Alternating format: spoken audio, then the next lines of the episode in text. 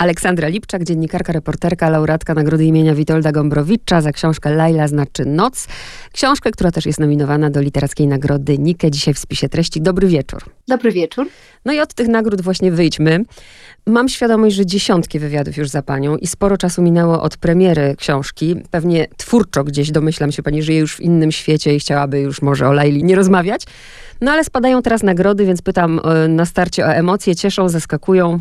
No właśnie chyba nie jest tak, że żyję w innym świecie, no bo niestety przez to, co się dzieje teraz w Polsce, na granicy mm, polsko-białoruskiej, dokładnie mówiąc, Laila się e, jakoś bardzo zaktualizowała. I, I właściwie bardzo e, zaczęłam żyć tą tematyką i tą książką, niezależnie od nagród, a nagrody są dla mnie i nominacje są dla mnie źródłem ogromnej radości. Oczywiście jest jako docenienie mojej pracy, ale też jako taka, taki impuls, mm, żeby o książce było głośno, żeby dotarła do czytelników i czytelniczek, którzy o niej nie słyszeli, no bo to jest jednak wydaje mi się dość niszowy temat, ta mm. średniowieczna historia Al-Andalus, średniowieczna Iberia, a tak naprawdę moim zamiarem było napisać książkę bardzo współczesną, właśnie odpowiadającą na na dzisiejsze problemy z ksenofobią, rasizmem, islamofobią, kryzysem migracyjnym, kryzysem uchodźczym, więc bardzo naprawdę mnie cieszy, że że dzięki temu e, Laila odzyskała trochę głos już właściwie półtora roku prawie po jej wydaniu. I to jest prawda, że nagrody też powodują, no tak jest, że ludzie sięgają wtedy, a książka jest nagrodzona, to sięgam po nią.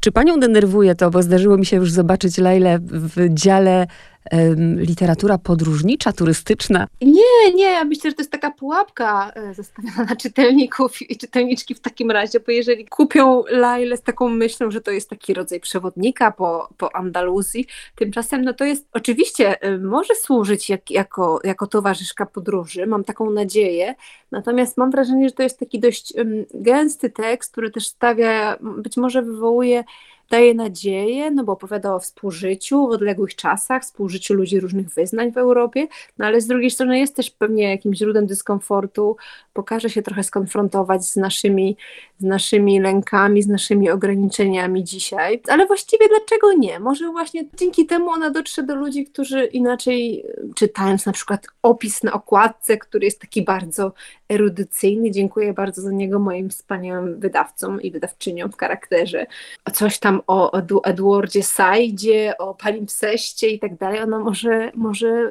jakby mogłaby zniechęcić czytelników niektórych, a tym sposobem dotrze do, do ludzi, którzy po prostu szukają towarzystwa książkowego w czasie wyjazdu do Hiszpanii albo, albo lubią Hiszpanię, byli w Hiszpanii i to też jest jakaś prawda o Hiszpanii, to co ja tam piszę, mm-hmm. więc nie mam nic zupełnie przeciwko. Ja pamiętam, jak czytałam jeden z wywiadów jeszcze przy poprzedniej książce Ludzie z Placu Słońca, z panią był wywiad i ktoś zapytał właśnie, dlaczego Hiszpania i pani tak ładnie wtedy odpowiedziała, tak mi się przydarzyła, coś takiego było, ta Hiszpania mi się tak przydarzyła.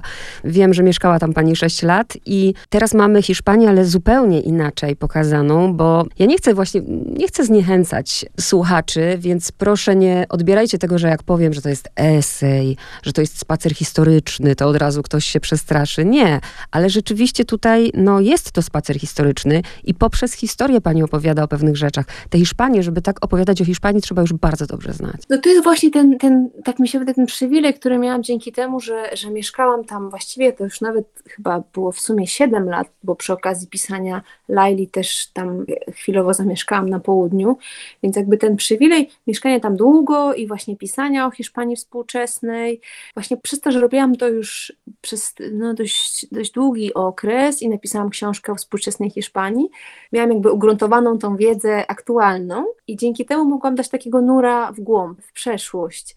I to rzeczywiście jest tak, że pewnie jak się poświęca jakiemukolwiek tematowi, czy jakiemukolwiek miejscu zakątkowi na świecie dużo czasu, to się odkrywa coraz to nowe warstwy tak trochę geologicznie myśląc, wtedy są chyba szanse na to, że znajdzie się jakąś taką właśnie perłę z przeszłości, jaką jest opowieść, jaką jest historia Al-Andalus, no bo ona z dzisiejszego punktu widzenia jest czymś naprawdę niesamowitym.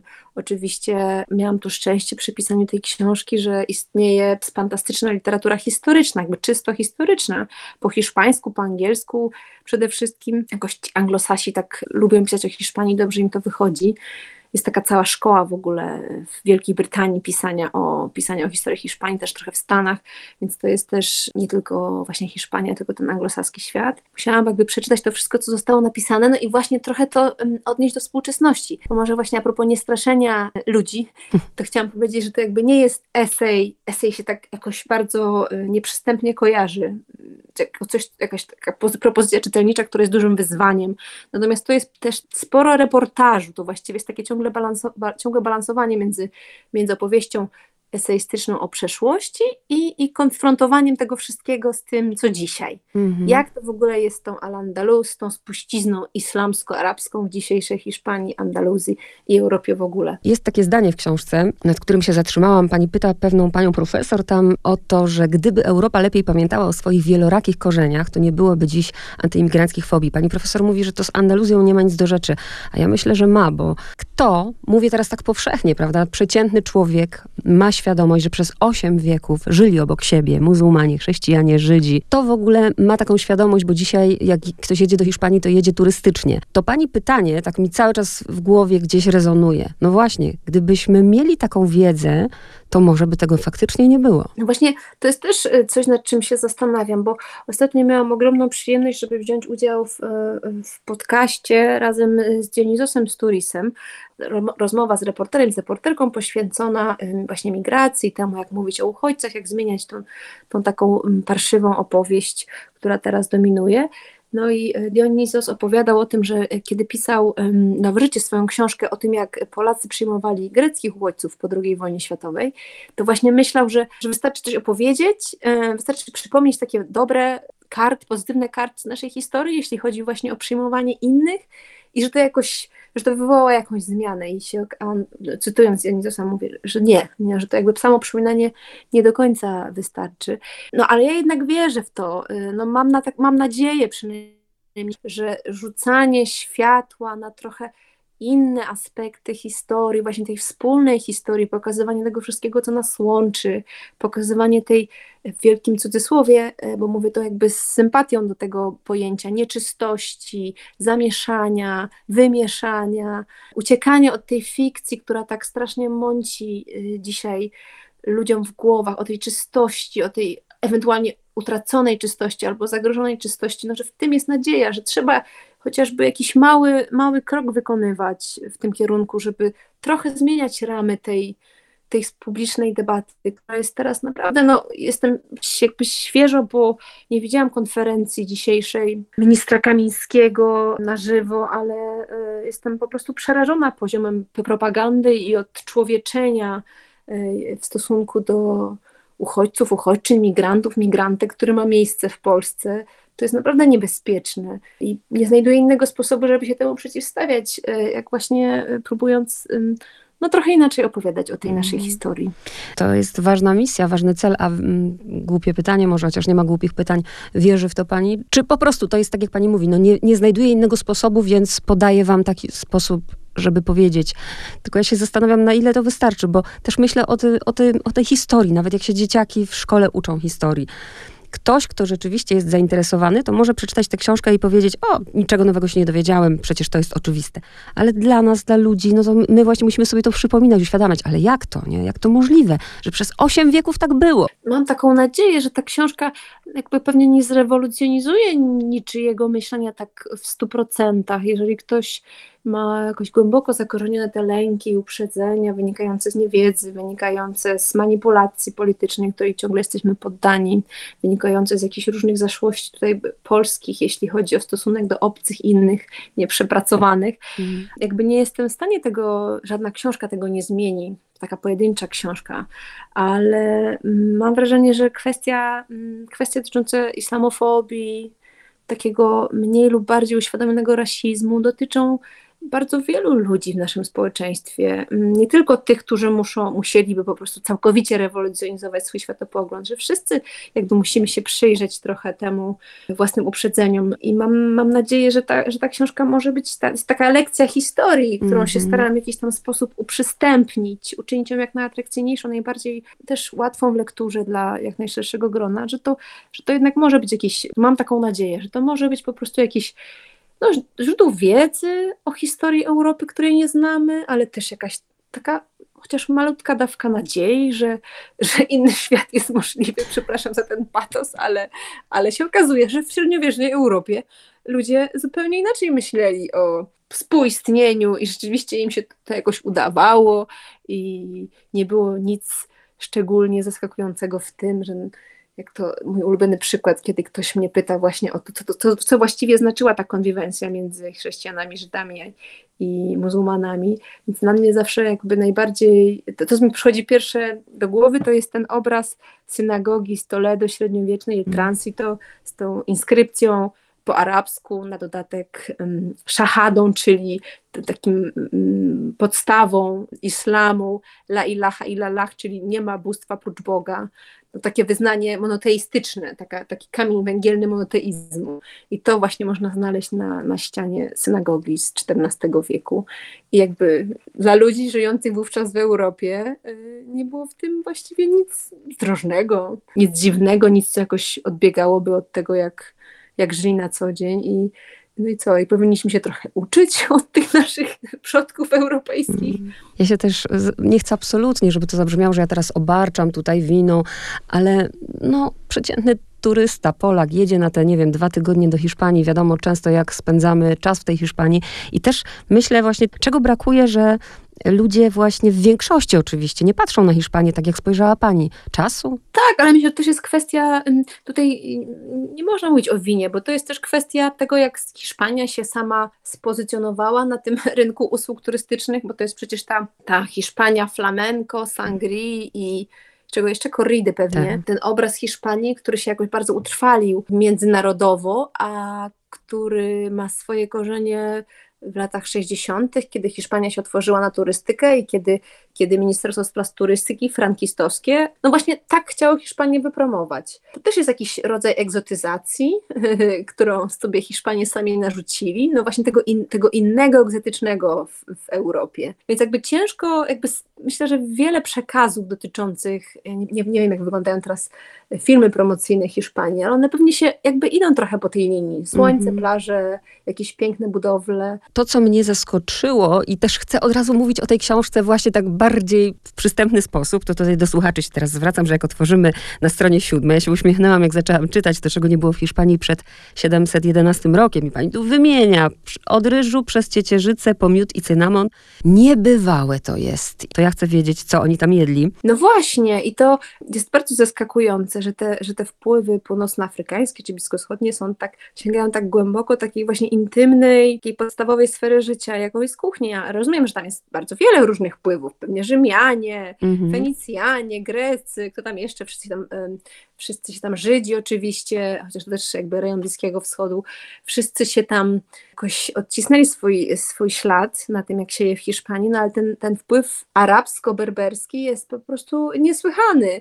I, i to też jest jakoś y, bardzo znaczące, że, że właśnie tak się czasami jakby taką myślą moją przewodnią w czasie pisania mm, Laili było znalezienie odpowiedzi na takie pytanie, jakby czy to, że, że Hiszpania ma taką bliską, intymną relację wielowiekową z, właśnie z światem północnej Afryki, islamu, światem arabskim, czy to jakoś wpływa na to, że że dzisiejsi Hiszpanie są no, troszkę jacyś bardziej wyluzowani, jeśli chodzi o kwestie związane z migracją, z przyjmowaniem uchodźców. Po prostu to jest jakby postawy społeczne, które dominują, mimo tego, że tam oczywiście istnieje skrajna prawica, są jakieś tam ksenofobiczne dyskursy polityczne, to jednak ta, takie postawy y, główne, dominujące, to jest raczej taka, taka otwartość spokojna. Trudno tam wzbudzić panik, panikę moralną, tak jak u nas wokół, tego, wokół tych tematów.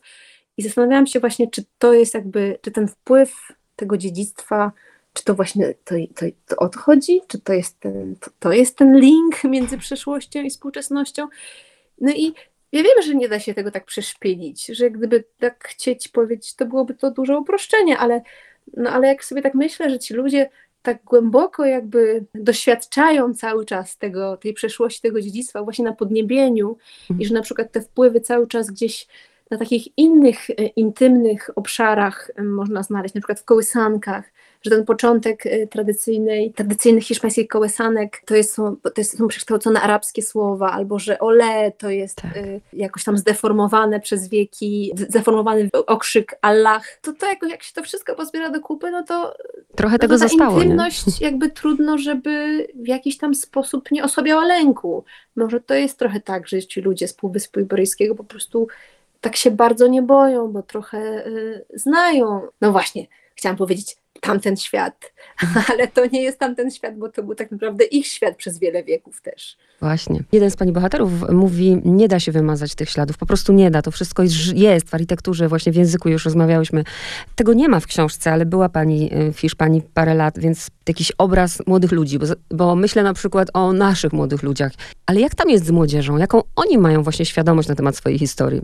Znaczy, ja myślę, że ta taka oficjalna opowieść o hiszpańskiej historii dominująca, taka, taka państwowa powiedzmy, to jednak jest ta historia katolickiej Hiszpanii. Mhm. królów katolickich, którzy wygnali ostatnich muzułmanów z Granady, którzy sfinansowali wyprawę Krzysztofa Kolumba, którzy stworzyli hiszpańskie imperium.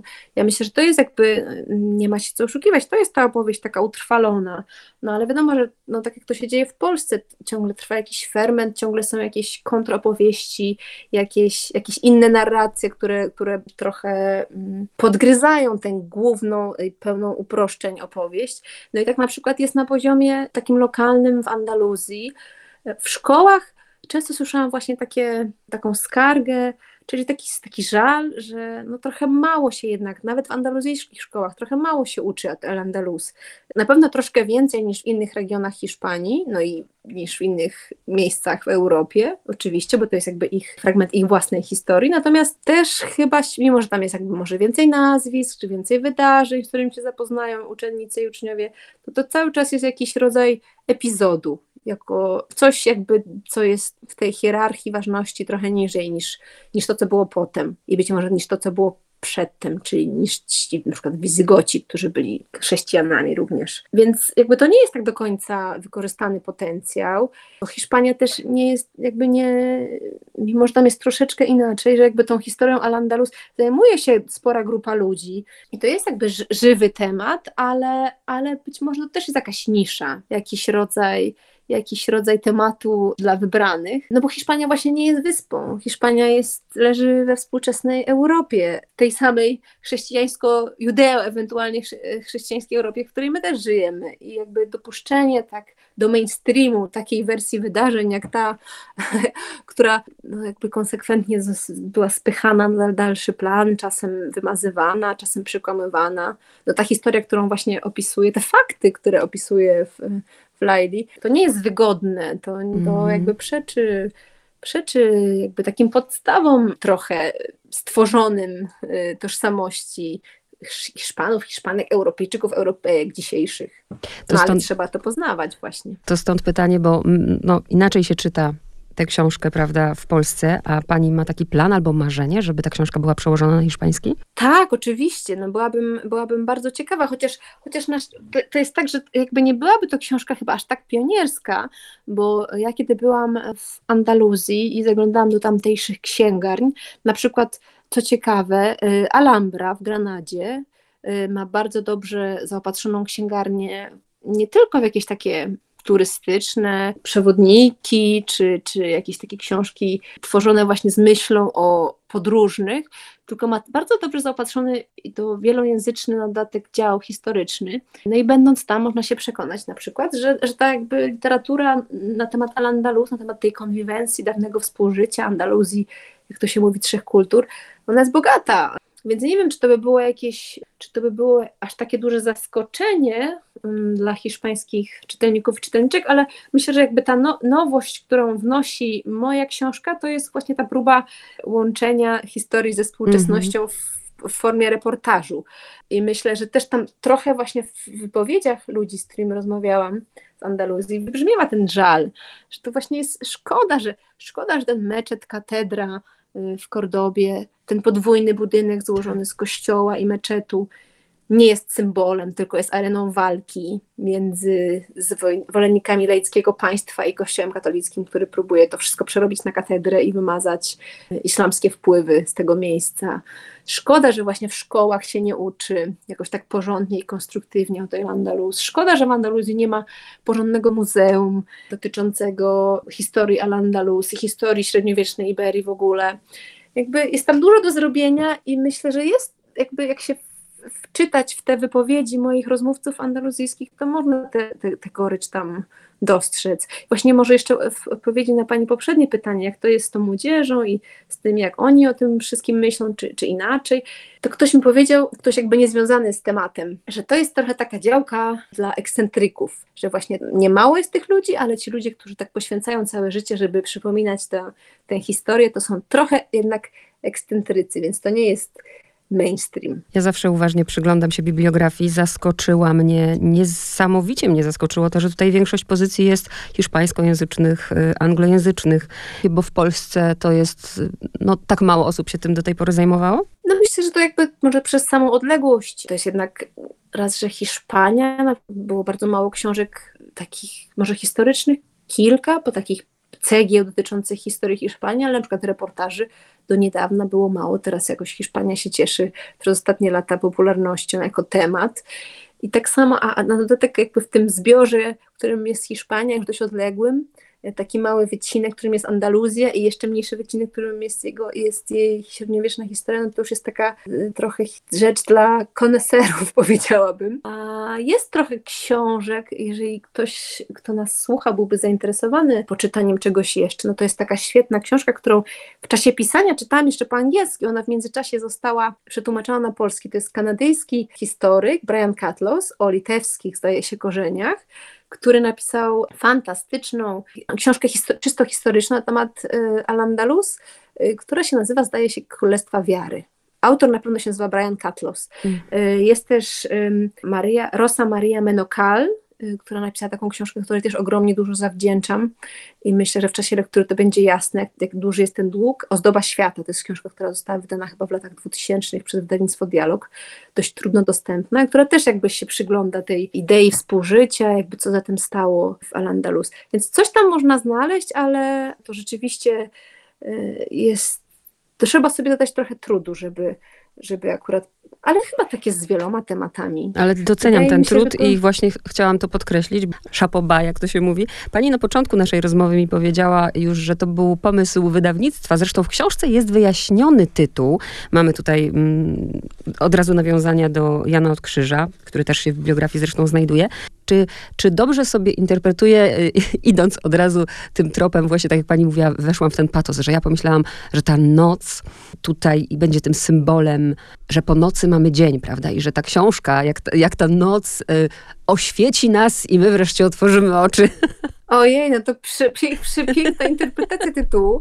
Nie pomyślałam o tym w ten sposób, ale właściwie dlaczego nie? Tytuł, ale tytuł chyba, akurat tytuł wymyśliłam chyba ja, nie wydawnictwo. Długo jakby wymyślanie tytułu to jest jednak orka. Czasami chyba no podejrzewam, że tak się zdarza, że ktoś może mieć taki błysk po prostu to jest to, może nawet jeszcze zanim się zacznie pisać książkę albo cokolwiek innego, artykuł, ale ja mam zawsze jakiś taki problem, zawsze zostawiam to na koniec i zawsze po prostu długo się z tym noszę. I miałam różne pomysły, miałam też taki na początku taką, taką intuicję, żeby nazwać książkę 781, to jest ten, to jest czas y, między przybyciem, podbojem arabskim Hiszpanii i upadkiem ostatniego Emiratu Królestwa Granady. To jest ten czas, kiedy Arabowie muzułmanie rządzili na jakiejś tam części Półwyspu Iberyjskiego, no ale same liczby w tytule to może może to tak trochę zbyt zagadkowo by brzmiało, wyglądało. No i ta Laila, no widzi Pani, to jakby Pani odkryła jeszcze tu jakąś warstwę, która mi się bardzo podoba, ale y, jakby jest w tym tytule takim trochę poetyckim też taka historia związana właśnie z, prze, z tym, co mi się wydaje kluczowe jakby w tym wszystkim, czyli z tym przeplataniem się wpływów, jak bardzo jest nam blisko do siebie, ile nas łączy historycznie, duchowo, filozoficznie. To jest nawiązanie do takiej długiej opowieści, której teraz chyba nie będę nie będę streszczać, o tym, jak bardzo mistyczna poezja katolicka klasyka europejskiej mm, poezji, czyli poezja świętego Jana od Krzyża i świętej Teresy, jest nasycona islamskimi, sufickimi motywami. Mhm. Y, Z poezji sufickiej, mistycznej, islamskiej, która kwitła na Półwyspie Iberyjskim nieco wcześniej. I Jak się wczytamy właśnie w znawców tematu, literaturoznawców, znawców i literatury średniowiecznej, i literatury hiszpańskiej, i literatury arabskojęzycznej z tamtego okresu, no to wymaga sporych kompetencji, ale jest trochę takich osób, które to wszystko ogarniają równocześnie, to się okaże, że, że to jest niesamowite, że ci święci Kościoła katolickiego pełnymi garściami czerpali z, z, tej, z tej symboliki, między innymi mm, jednym z takich symboli, które tam się u świętego Jana i też u Teresy y, przewija, jest noc, Laila, arabska Laila jako, jako miejsce objawienia, miejsce spotkania, miejsce wyciszenia, miejsce spotkania z Bogiem, miejsce spotkania erotycznego. No i właśnie poszłam dalej. Oczyszczenia co- co i oświecenia od razu. Poetów i mistyków.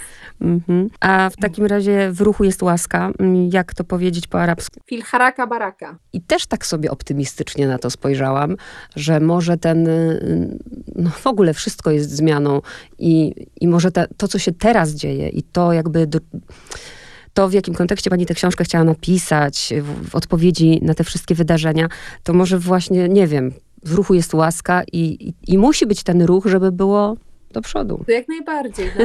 Y, Myślę, że ruch nas nigdy nie prowadzi wstecz. No jakby ruch jest i migrowanie, przemieszczanie się jest w ogóle związane z historią ludzkości od samego początku. No przecież pierwsi ludzie, humanoidy, czy jak ich tam nazwać, przybyli y, do Europy właśnie z Afryki. Jakby cały czas był ten, ten impuls, ta potrzeba też, żeby gdzieś się przemieszczać i to właśnie stamtąd zresztą przybyliśmy w jakimś sensie, więc... y, No i może każda zmiana ruch- prowadzi do czegoś dobrego. Tak bardzo na siłę chcesz szukać optymizmu w tych czasach. trudno o to. Myślę, że też nie ma, nie ma co szukać optymizmu na siłę, bo, bo też jakby ten moment, w jakim jesteśmy, do tego nie nastraja, ale, no ale jakby może to nie brzmi, nie wiem, czy to jest optymistyczna konkluzja, ale to też mówi mi jeden z, chyba jeden z rozmówców, to mówi cytując kogoś, że no, podstawowa prawda o w ogóle o współczesnym świecie i o, o naturze migracji jest taka, że nie da się jej powstrzymać, można ją tylko przekierować. Jest bardzo wiele powodów, które skłaniają ludzi do migracji i zawsze tak było. No rzeczywiście teraz y,